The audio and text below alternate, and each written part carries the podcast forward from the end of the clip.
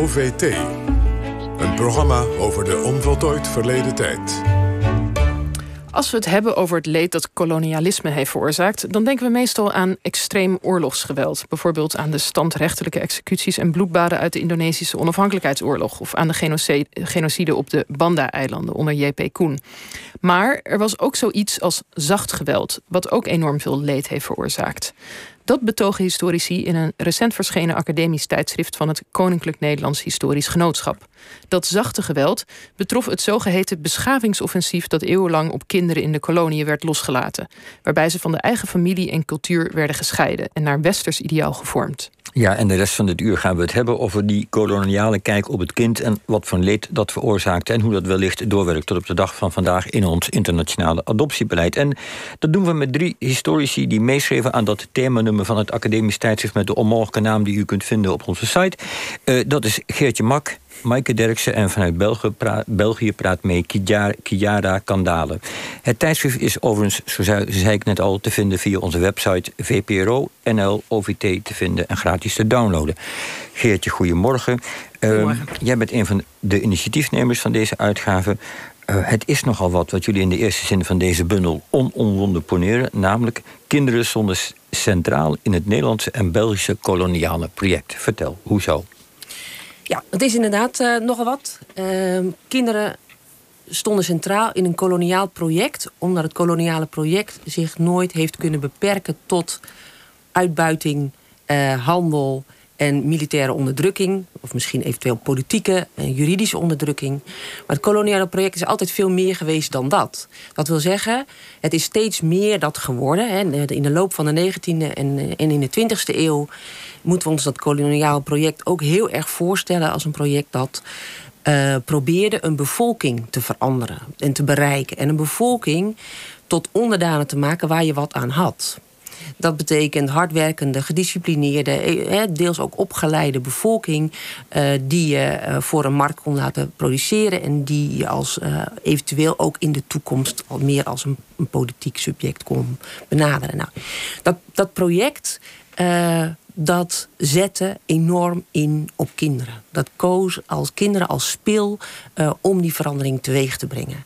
En daar zijn eigenlijk. Uh, uh, je kunt eigenlijk nog daar verschillen in, in, in ontdekken. Hè, want aan de ene kant hebben we de kinderen. Ehm, die een risico vormden voor het koloniale project. Dat zijn kinderen van gemengde afkomst, vaak een Europese vader en een niet-Europese moeder, die erkend als Europees uh, dreigde als het ware de scheidslijnen tussen kolonisator en gekoloniseerde te verstoren. En dat is de ene. Die groep is, en dat is ook in de internationale literatuur al heel vaak aangegeven, ook in een heleboel andere landen, dat is precies de groep waar de pijlen van koloniale beschavingsoffensief zich op gingen richten, om ervoor te zorgen dat die groep niet een bedreiging zou vormen voor die Europese identiteit. Voor die dat is de ene groep. De andere ik, ik, begrijp het toch niet helemaal. Die, die, groep geen bedreiging zou vormen voor de Europese nou, identiteit? Heel simpel. Als je macht uit wil oefenen en je zegt de kolonisator heeft de macht. En de gekoloniseerde heeft geen macht. Wat doe je dan met de groep die daartussenin staat? Dat, die, die, de scheidslijn wordt onduidelijk. En dat gebeurt op allerlei manieren. Dus die groep probeer je tot jou kamp over te halen. Dat ze ja, verwestersen en als het ware een verlengstuk worden van de koloniale macht. Nou, nou die andere groep. De andere groep is, de, is eigenlijk de groep die gebruikt werd in situaties waar je de lokale bevolking, die dus, die dus verder niet veel met Europa in aanraking was geweest, om die te kunnen beschaven.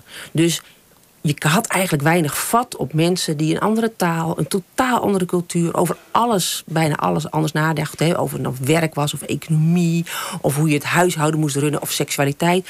Dat soort uh, groepen waren eigenlijk niet zomaar te benaderen. Maaike, kan daar, Maaike Derksen zit hier naast mij, die kan hier zo nog veel meer over vertellen. Maar je, ze wisten eigenlijk niet goed hoe ze die groep moeten benaderen. En je ziet dus eigenlijk al heel vroeg, hè, dat, dat laat ook Bente de Leden in ons nummer zien, begint al heel vroeg dat kinderen uh, en scholen een manier waren om daar toegang tot te krijgen. Is dit de groep waarvan jij wel eens hebt gezegd: dit is de groep die moet, de kinderen die moeten worden gered van hun heidense ouders? Ja, eigenlijk in, in hele brede zin uh, kunnen we dat zien. Dat het zijn kinderen die moeten worden gered van hun heidense en, en donkere, uh, primitieve, onbeschaafde ouders. Dat is eigenlijk.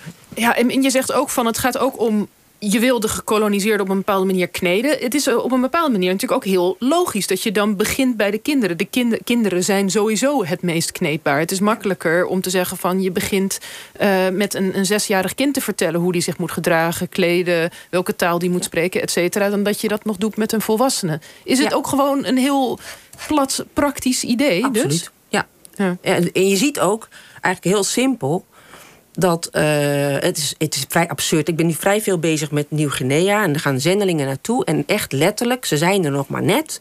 En dan stappen ze op de kampong af en zeggen ze: Jullie moeten wel naar de kerk op zondag. En als je dat leest, dan denk je: Je bent gek.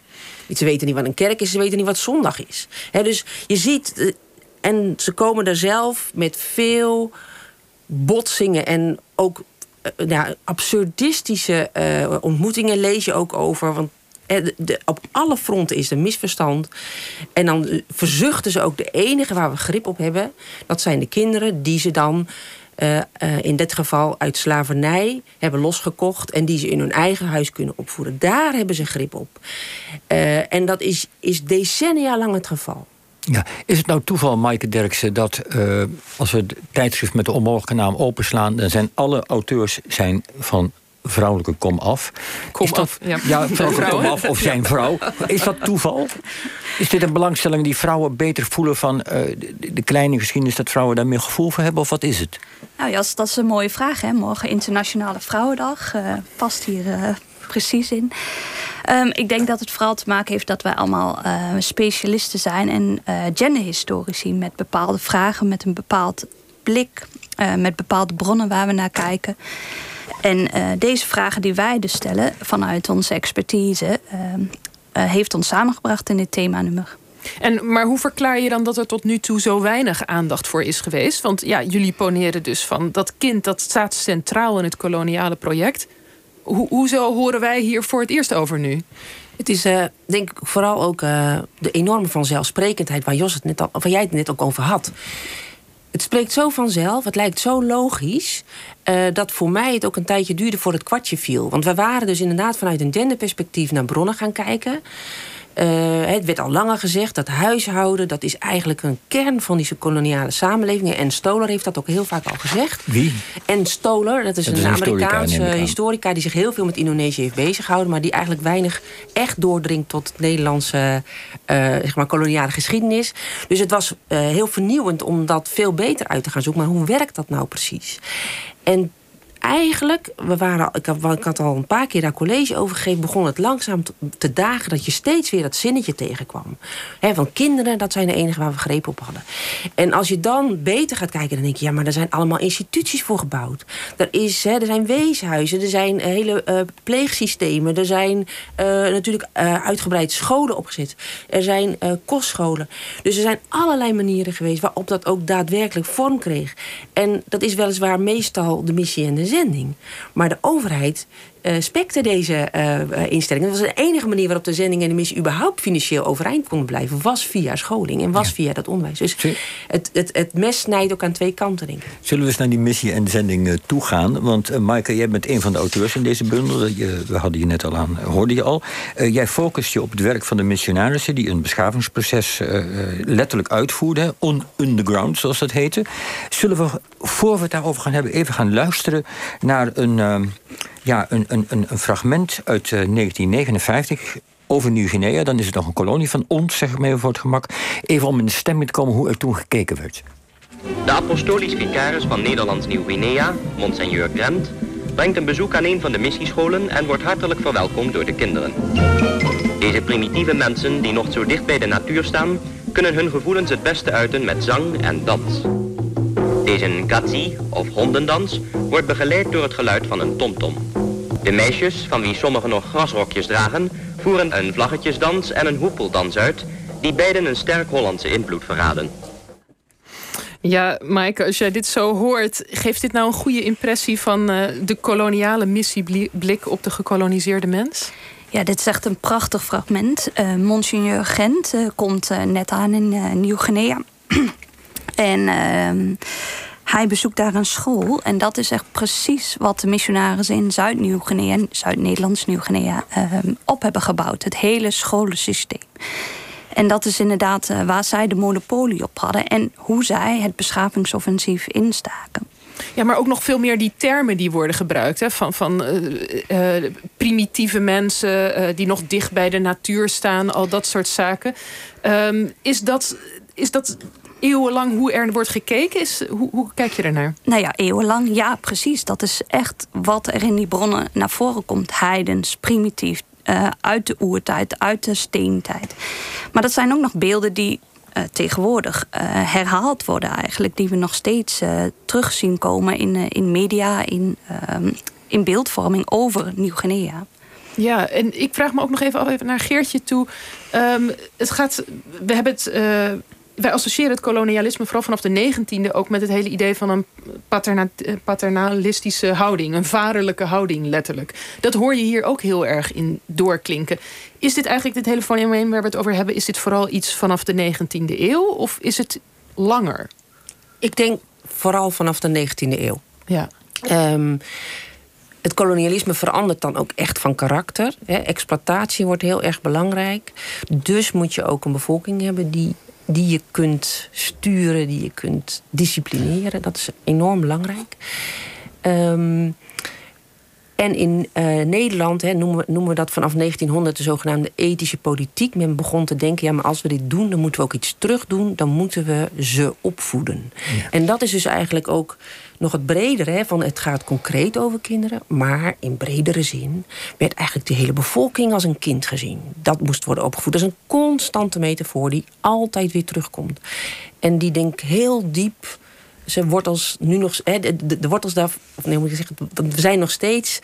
In dat soort gedachten eigenlijk uh, is ons discours over de derde wereld, ja. zoals, hè, of het zuiden, is uh, geworteld. Ja, laten we even, even, even, stilstaan ook bij, bij dat momentum dat het gebeurt. Hè, dat het handen en voeten krijgt. En Maaike, dan kijk ik toch weer even naar Maaike Derksen. Uh, jij hebt missionarissen onderzocht die school stichten en van alles doen. Niet alleen maar preken, maar gewoon aan de slag gaan om die kinderen op te voeden en tot mens, naar de maatstaven van die tijd, uh, te maken. En dan kom je een missionaris tegen met uh, de naam Jos van de Kolk. En wat, en die heeft teksten en, en, woorden waarvan we nu zeggen: hoe kan het? Maar die heel illustratief zijn. Kun je daar iets over zeggen? Ja, ja, dat klopt. Um, ik heb uh, een fragmentje meegenomen. In ieder geval Jos van der Kolk, maar ook eentje van Patrus Petrus Vertenten. Dat is nog eerder zelfs. in 19... Petrus? Petrus Vertenten. Kijk. Precies. In 1911, en dat zou ik graag voorlezen... en dan komt precies, jullie ook wat jij zei... Uh, dat paternalisme komt heel erg terug. Hij schrijft dat eigenlijk uh, nadat hij net een paar maanden is aangekomen in uh, Okaba, dat is in 1911, en aan zijn confrates in Tilburg. Voor eerst zal de enige troost die wij van ons werk hebben wel zijn dat wij stervenden dopen. Het zal nog een heel tijdje duren alvorens het eigenlijke bekeringswerk een aanvang neemt. De mensen zijn hier te diep vervallen in allerlei dwaas bijgeloof. En wat erger is, en er moeilijker uit te krijgen zal zijn, in zeer diepe zedeloosheid. Naar het lichaam hebben zij niet tekort, maar hun zielen vergaan van gebrek. En ongeduldig genoeg, daar schijnen zij niet veel om te geven. Hadden we de kinderen maar in onze macht. Zij houden veel van ons. Nu reeds, die kinderen, dat is zeker. Maar de meeste van hen zijn nu groot geworden, midden in een zeer zondige omgeving. Of liever, allen en de meesten zullen nog worden wat hun ouders waren of al zijn. Eerst moet er een geslacht verdwijnen en dan zal onze werking dieper ingrijpen. De kinderen van nu zullen in ieder geval met andere gedachten opgroeien, al leven zij er niet naar. De meesten hebben er niets op tegen in stervensgevaar gedoopt te worden. Heldere tekst. Nou, hè? Dit is, dit is, een, dit is een beeld. En hoe, um, hoe deden ze dat dan? Want je hebt een beeld van die kinderen, wat ermee moet gebeuren. Maar waar halen ze dan die kinderen vandaan? Trokken ze die bij de ouders weg, eh, de, de, dorpen rond? Nou ja, zo simpel ging het uh, inderdaad niet. Uh, ze uh, trokken, missionarissen kwamen daar aan en gingen de dorpen bezoeken. Eigenlijk praatjes maken, zorgen dat ze amicabel werden met, met, met de kinderen, met de volwassenen. Um, maar preken en um, kleden of wat ze dan ook wouden doen, kon kon niet uh, aanvang nemen. Eigenlijk, het lukte ze niet. Dus wat deden ze? We moeten ze zorgen dat ze bij ons komen en zien hoe wij het doen. Wij geven het goede voorbeeld.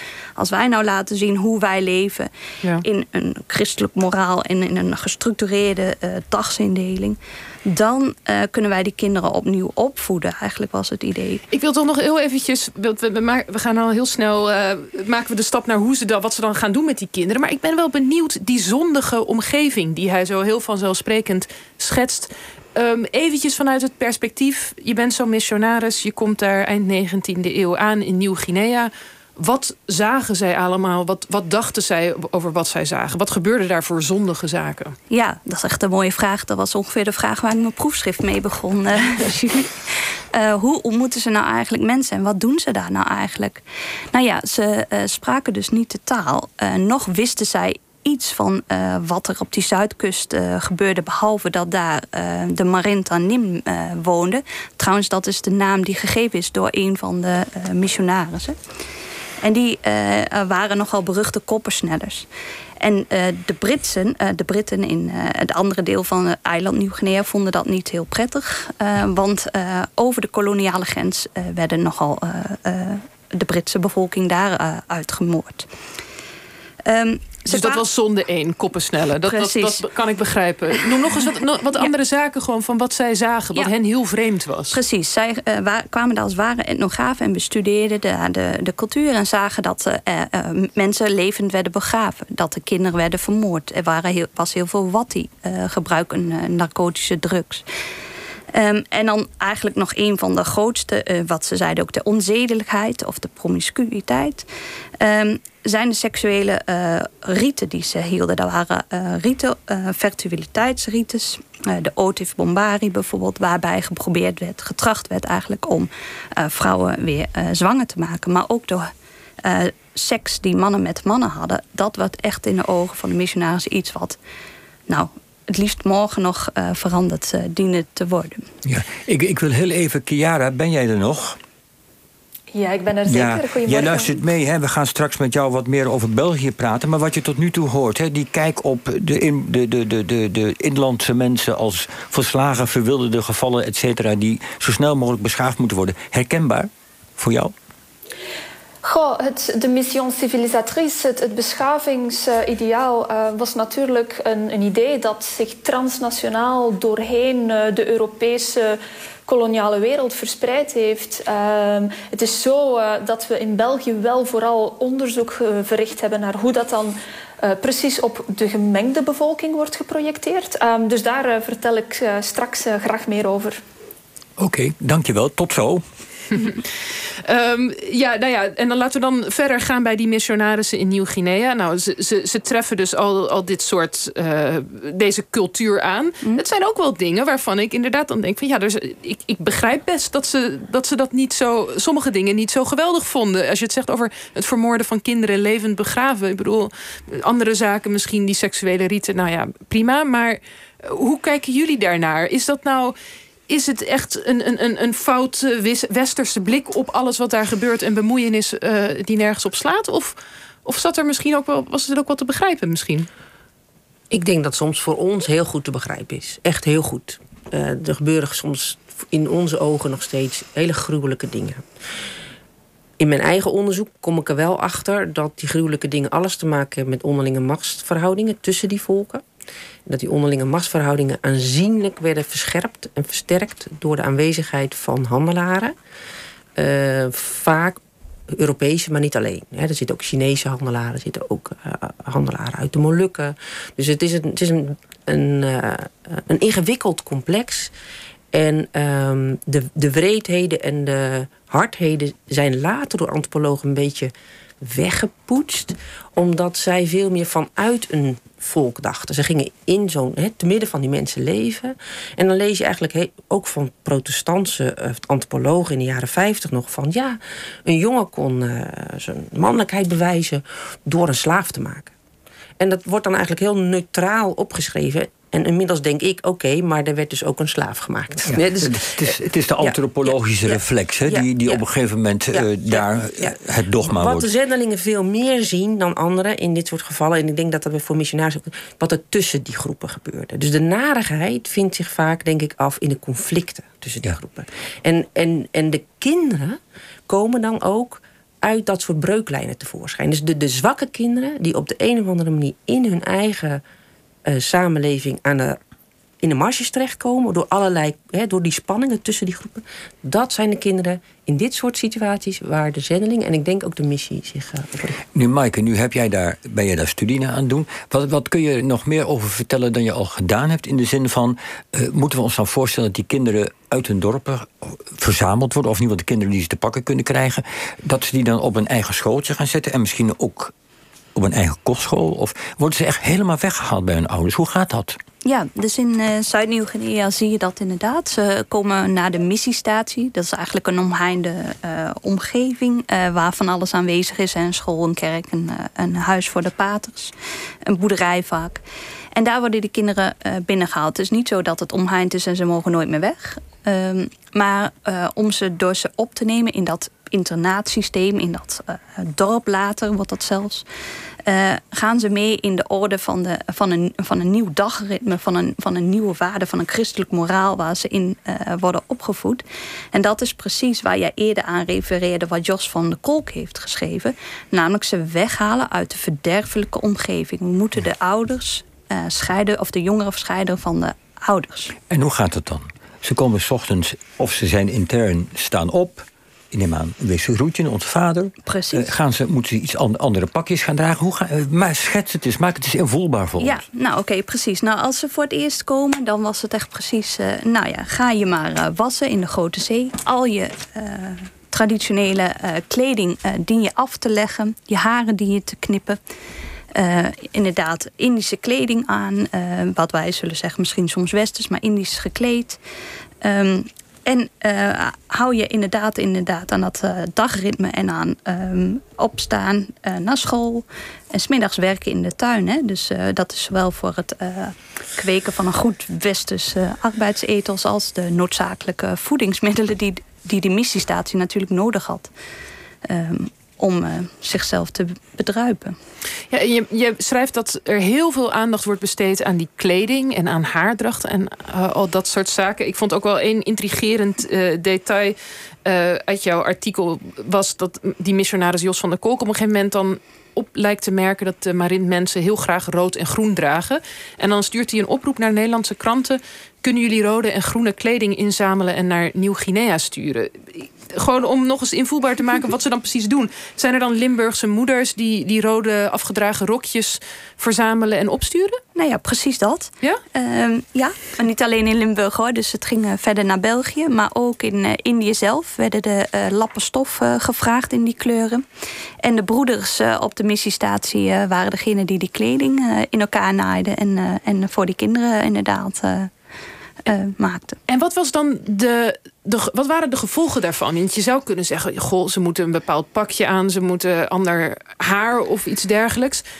Precies. Wat, wat zijn dan de gevolgen daarvan? Hoe erg is dat? Ja, nou, we moeten even dan terug van om de marintcultuur te begrijpen. Nou, dat is precies wat die missionarissen deden. Hè. Als ware etnografen bestudeerden ze wat gaat er nou gebeuren. En daarin zagen ze dat uh, uh, marintkinderen vanaf een jaar of twaalf een rieten passage doorgingen. Dat betekent dat ze werden opgenomen eigenlijk in, in de marint volwassen cultuur. En dan, vanaf dan zouden ze meedoen aan die seksuele rieten, aan de sneltochten, et cetera. En dat ging allemaal gepaard met het aannemen van een nieuwe kleeddracht voor die uh, marint. En ook onder andere het uh, haarverlengselen.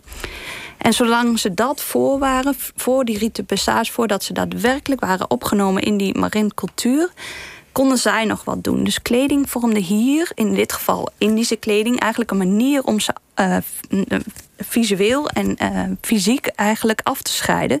Door die haren af te snijden, maar ook door ze anders te kleden marker of difference eigenlijk. Juist. Maar betekende dat dan ook dat als dat eenmaal gebeurd was, dat ze dus die rieten passage voor waren, dat ze dat eigenlijk nooit meer konden inhalen daarna? Of nou ja, dat zou, dat zou je soms denken. Uh, dat was in een zekere geval, uh, of zekere zin ook het geval. Ehm, maar we zien dat weer op het moment dat het moeilijk wordt, in, vooral in 1918, als de Spaanse griep ook in Nieuw-Guinea postvat, dat die uh, kinderen toch weer van die missiestatie afgaan en opnieuw worden opgenomen. Dus dan betekent dat ze wel weer die havenlengsels aannemen en opnieuw een rietenpassage, maar dan in de marine cultuur. Uh, uh, kregen. maar als het plan was gelukt, als die externe omstandigheden met de Spaanse griep niet geweest waren, waren die kinderen waarschijnlijk doorgegaan met verwestersen. Uh, ik vraag me af, uh, Geertje, als we dit zo horen, dan eh, doet, doet, lijkt dit nou een beetje op de, de beroemde voorbeelden van de gestolen generaties in Australië van, en de kostschoolkinderen in Canada. Lijkt het daarop of, of weten we nog te weinig om dat te kunnen zeggen? Hoe kijk je daarnaar? Wat we nu hebben besproken over met name Nieuw-Guinea... lijkt er eigenlijk niet zo heel erg sterk op... omdat het hier heel erg ging om die toegang krijgen tot die bevolkingen. Hoe kun je ze veranderen? Terwijl als je naar die Stolen Generation... wat voor mij trouwens wel een deel van mijn inspiratie is geweest... Hoor, maar als je daarnaar kijkt, gaat het eigenlijk... Uh, zeker in, uh, in Australië gaat het echt over die gemengde groep die uh, dus uh, eigenlijk als Europees wordt gezien en die dan Europees moet worden gemaakt. Het is echt een vrij gruwelijk uh, witwasproject geweest, waarin mensen dus van hun moeders worden weggehaald en dan eigenlijk gewoon letterlijk wordt gedacht van als we maar lang genoeg doorkweken in een witte omgeving, dan worden die kinderen vanzelf ook echt zo goed, zo wit mogelijk. Inclusief cultuur, alles. Um, dus die groep is ook um, het geheugen eigenlijk kwijt over hè, waar kom ik nou vandaan. En um, wij zijn eigenlijk nu, uh, en daar kan Maaike zo meer over vertellen, maar we zijn nu bezig om te kijken hoe dat nou eigenlijk met de Indo-kinderen in uh, Indonesië is gegaan. Want we weten, en juridisch was het zo, dat de moeders in, in, uh, van gemengde kinderen in Nederlands-Indië geen voogdij kregen over hun kind dus als de vader het kind had erkend, had de moeder geen voogdij. Dus als de vader uit beeld raakte, was, zou, is het kind eigenlijk vogelvrij. We weten niet eens zeker of daar al hoeveel en of dat altijd ook gevolgen had. Maar we weten wel dat er de mogelijkheid was om dat kind bij die moeder weg te halen en als wees in een weeshuis te stoppen. Nou, dat is een vrij. Hè, dat is natuurlijk een hele grote groep. Dat heeft, heeft ook te maken met de uh, grote Indo-Europese groep die we nu in Nederland kennen. Maar we weten daar eigenlijk nog concreet heel weinig van. Dus we weten dat dit juridisch zo was. We weten dat er weeshuizen waren. Heel, heel beroemd is Pa van de Kolk. Pa van de eh, Steur. Uh, pa, van de, pa van de Steur. Ik zijn er ook zoveel? Inderdaad, zijn er heel veel. Die, maar die wordt eigenlijk nog altijd als een soort ja, liefdevolle vader gezien. Terwijl als je kijkt wat er gebeurd is, waarschijnlijk een een goed deel van die kinderen weg is gehaald bij moeders die gewoon ook voor die kinderen hadden kunnen zorgen. Ja, en, ik wil dan eventjes naar België toe, naar Chiara eindelijk, die al heel lang geduldig op ons zit te wachten. Want in België zijn ze eigenlijk al wat verder met dat onderzoek naar die gemengde kinderen, of wat ze dan in België metis noemen. Uh, Chiara, goedemorgen. Is daar nou eigenlijk een reden voor dat jullie verder zijn met dat onderzoek? Waarom, waarom lopen wij zo op jullie achter? Uh, ja, klopt. Uh, er wordt in België inderdaad al sinds een tiental jaar toch vrij intensief onderzoek gevoerd uh, naar de behandeling van metissen tijdens de koloniale periode. En dat is eigenlijk voornamelijk te danken aan de strijd om erkenning die de metissen zelf al decennia lang voeren. Um, het is zo op hun vraag kwam er in 2012 al een onderzoek naar de metissen van Save. dat is een missiepost in Rwanda waar heel wat metissen hebben verbleven. waar historica Sarah Heinsens uiteindelijk een prachtig publiekboek over publiceerde. Uh, aan Franstalige zijde kwam er dan onderzoek van Assoumani Boudagua, uh, die met name de vinger legt op uh, ja, de rol en de verantwoordelijkheid van de Belgische overheid.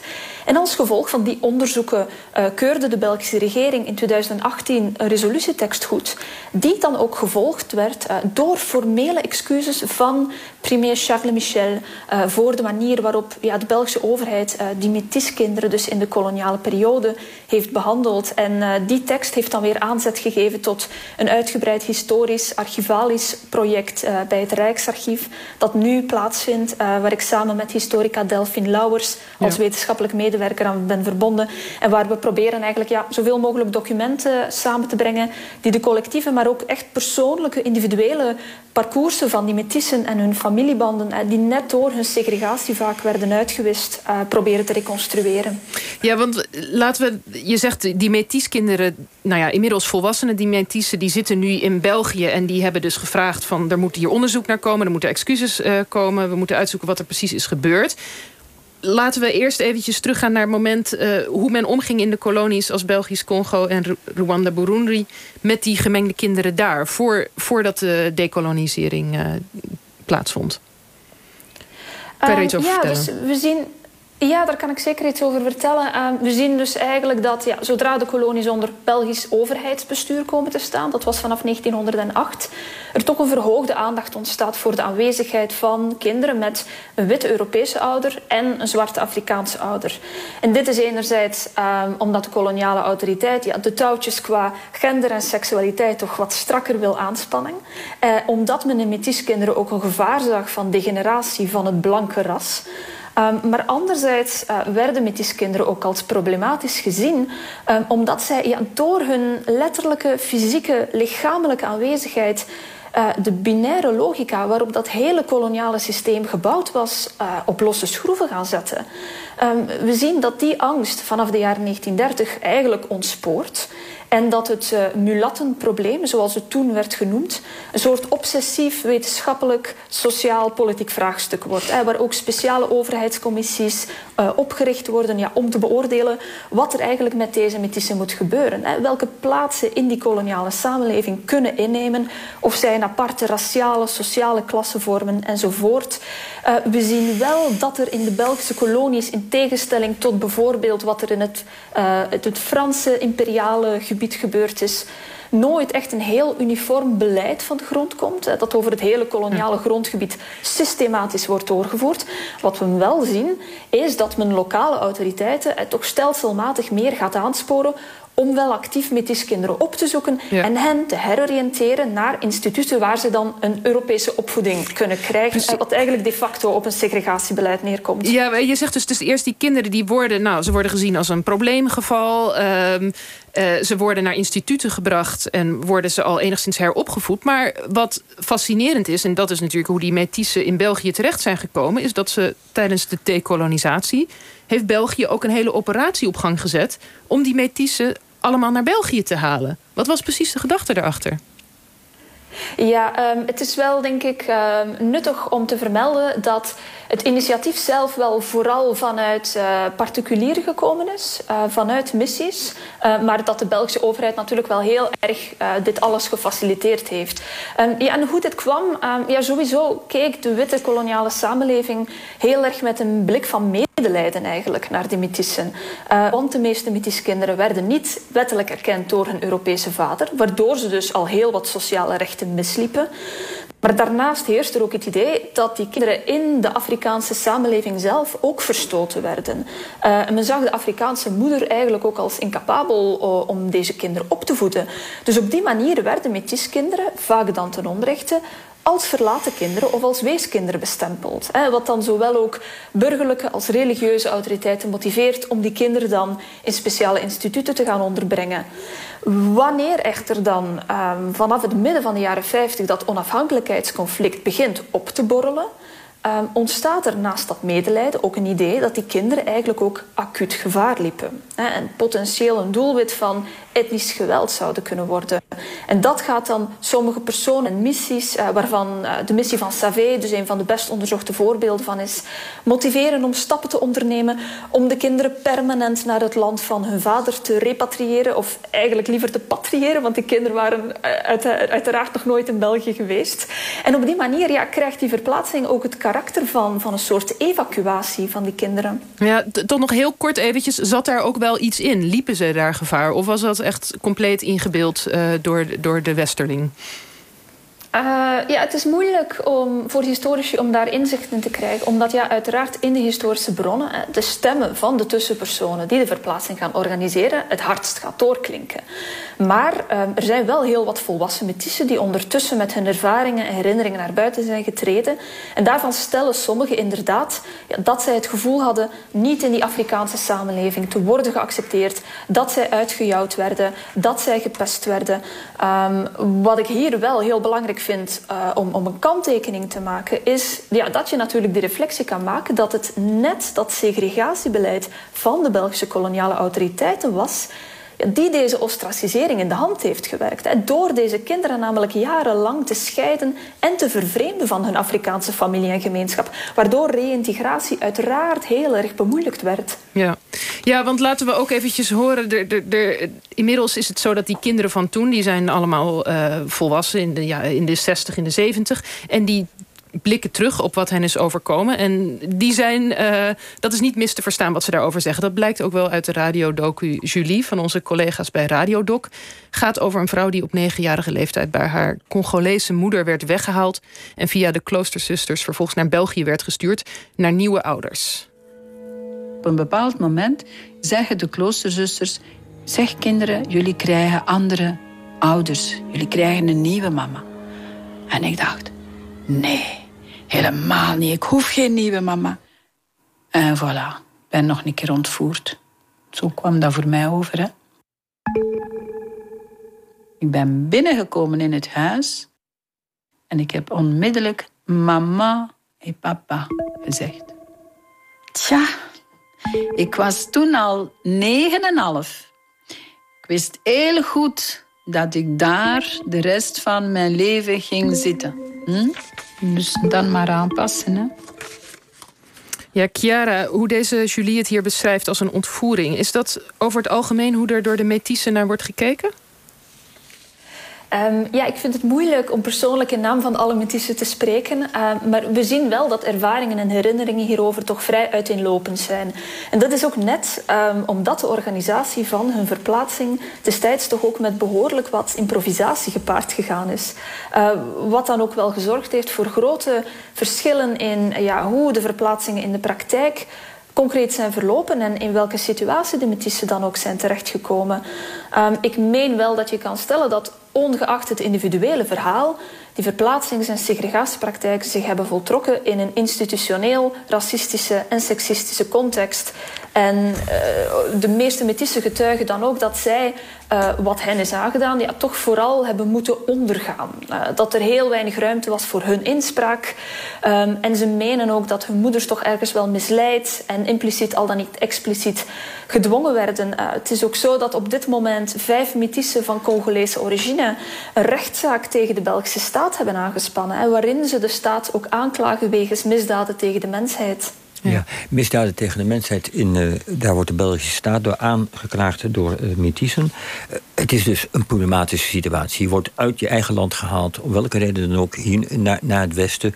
Jullie bespraken net, Geertje Mak en uh, Maaike Derksen, hoe wij als Nederland met, met onze koloniale kinderen in de kolonie zijn omgegaan. He, zowel de autochtone inlandse kinderen als de kinderen van gemeente komen af. En dan je schetst een soort beeld van, nou, die kinderen moesten gered worden van hun ouders. He. Dat is kort samengevat de meest kernachtige samenvatting. Speelt dat nu door in jullie ogen bij het adoptiebeleid, waar onlangs een vernietigend rapport over verschenen is? Speelt, speelt die kijk op het kind mee dat we denken, ja, we helpen die kinderen alleen maar als we ze weghalen bij hun achterlijkheid? Ja, ik denk dat uh, dat een enorme rol speelt. En de, de bijna vanzelfsprekendheid waarmee je het probleem denkt op te lossen door uh, die, die, die kinderen uh, te scheiden van, uh, van die ouders of van die cultuur of van die gemeenschap. en niet, in, kijk, denk maar eens over alle hedendaagse red het kind achtige advertenties, in, de, in welke dan ook, die laten de ouders niet zien. Dus het is net alsof je daar als Europeaan je kunt ontfermen over een kind zonder gemeenschap, zonder ouders, zonder iets. Dus het begint eigenlijk al met het verhaal, met het discussie, hè, met, een, met een, een, een manier van praten die dat kind losmaakt van de omgeving. En die het ook heel logisch maakt. Dat, je, hè, dat jij dan iets kunt doen. Um, het kind is natuurlijk ook een, een prettig onschuldig beeld. Het lijkt, hè, met een kind kan niks mis zijn. Ouders kunnen allemaal lelijke dingen doen, maar met een kind is dan niks mis. En uh, dat leidt ertoe dat er in de fantasie van de westerse hulpverlening of van de westerse adoptieouders er een kind ontstaat dat helemaal geen ouders heeft. Of die je zo voorstelt dat die ouders niks voorstellen. Of te, te onbeschaafd of te arm of te onopgeleid zijn om iets fatsoenlijks voor het kind te kunnen betekenen. En zet je dat één keer zo neer, dan wordt het ook heel logisch en gemakkelijk om dat soort projecten te doen. Maar, het tragische bij dit alles is dat het allemaal voortkomt... niet alleen uit de imperiale machtszucht of iets dergelijks... maar ook met echt, zoals die paters die jij beschrijft, Maaike... die mensen dachten echt, we zijn hier iets enorm goeds aan het doen. Ja, absoluut. Ja. Ja, hoe kijken jullie daarnaar? Ik bedoel, dat is natuurlijk wel. Het is een heel interessant nieuw perspectief. Meestal koloniale geschiedenis, we hebben het vaak over goed en kwaad en zo. Dat lijkt hier veel complexer te liggen, Maaike. Ja, dat is ook heel complex. Ik, ik heb ook nog nou geen moment getwijfeld aan de goede intenties van, de, van die missionarissen. Niet dat ze daar naartoe gingen en dachten... nou, we laten ze eens even lekker disciplineren en uh, heel veel leed aan doen. Dat was eigenlijk het tegenovergestelde. Um, ze, ze, ze, deden dat echt werkelijk uit hun uh, beste intenties. Dat, uh, dat ze die kinderen moesten redden. En, en niet alleen zij, dat brachten ze inderdaad toen ook al over naar het publiek. Ontferm u over deze kindjes. Koopt een kindje. Uh, draag bij uw bruine broeders en zusters. Ja. Ja, Geertje, ik wil dan toch nog even tot slot aan jou vragen. Jullie werk gaat over de koloniale geschiedenis, maar vanuit een heel nieuw perspectief. Um, leert dat perspectief ons nou ook nog iets nieuws in het algemeen... van hoe wij naar onze eigen koloniale geschiedenis moeten kijken? Nou, wat je net eigenlijk al zei. Um, het, is wat, uh, het, het, het, het, maakt het uh, complexer. Het, het, het is niet zo eenvoudig om te zeggen van... Uh, die, die, de zendelingen die, die deden kwaad... Omdat ze het goed bedoelden. Dat haalt het ook dichterbij. Kijk, we, we hebben nu heel vaak, vind ik, over kolonialisme als iets van... nou, dat is slecht, zo zijn, de, zo zijn, zijn anderen. Wij, ja, zo zijn wij niet. als je dit ziet, denk je, oh, dit heeft ook met mij te maken. Dit heeft met mijn idee te maken, bijvoorbeeld dat ik iets in de wereld zou kunnen verbeteren. Of dat de manier waarop wij leven in het Westen toch echt wel een heel stuk fijner en beter is dan andere volken. En dat maakt um, dat kolonialisme veel dichterbij is. Veel meer ook deel uitmaakt van mijn wereld, mijn denken over anderen. En ik denk dat moet veranderen. Goed, het is een uh, mooie conclusie om dit uh, gesprek mee af te sluiten. Ik wil jullie uh, allemaal bedanken. Geertje Mak, Maaike Derksen en Chiara Kandalen. We spraken jullie dus naar aanleiding van jullie onderzoek... naar de koloniale omgang met het kind... waarover jullie gezamenlijk onlangs een Engelstalige bundel... met academische artikelen uitbrachten. Meer informatie over die bundel, uitgegeven door het Koninklijk Nederlands Historisch Genootschap is te vinden op onze site vpro.nl/ovt.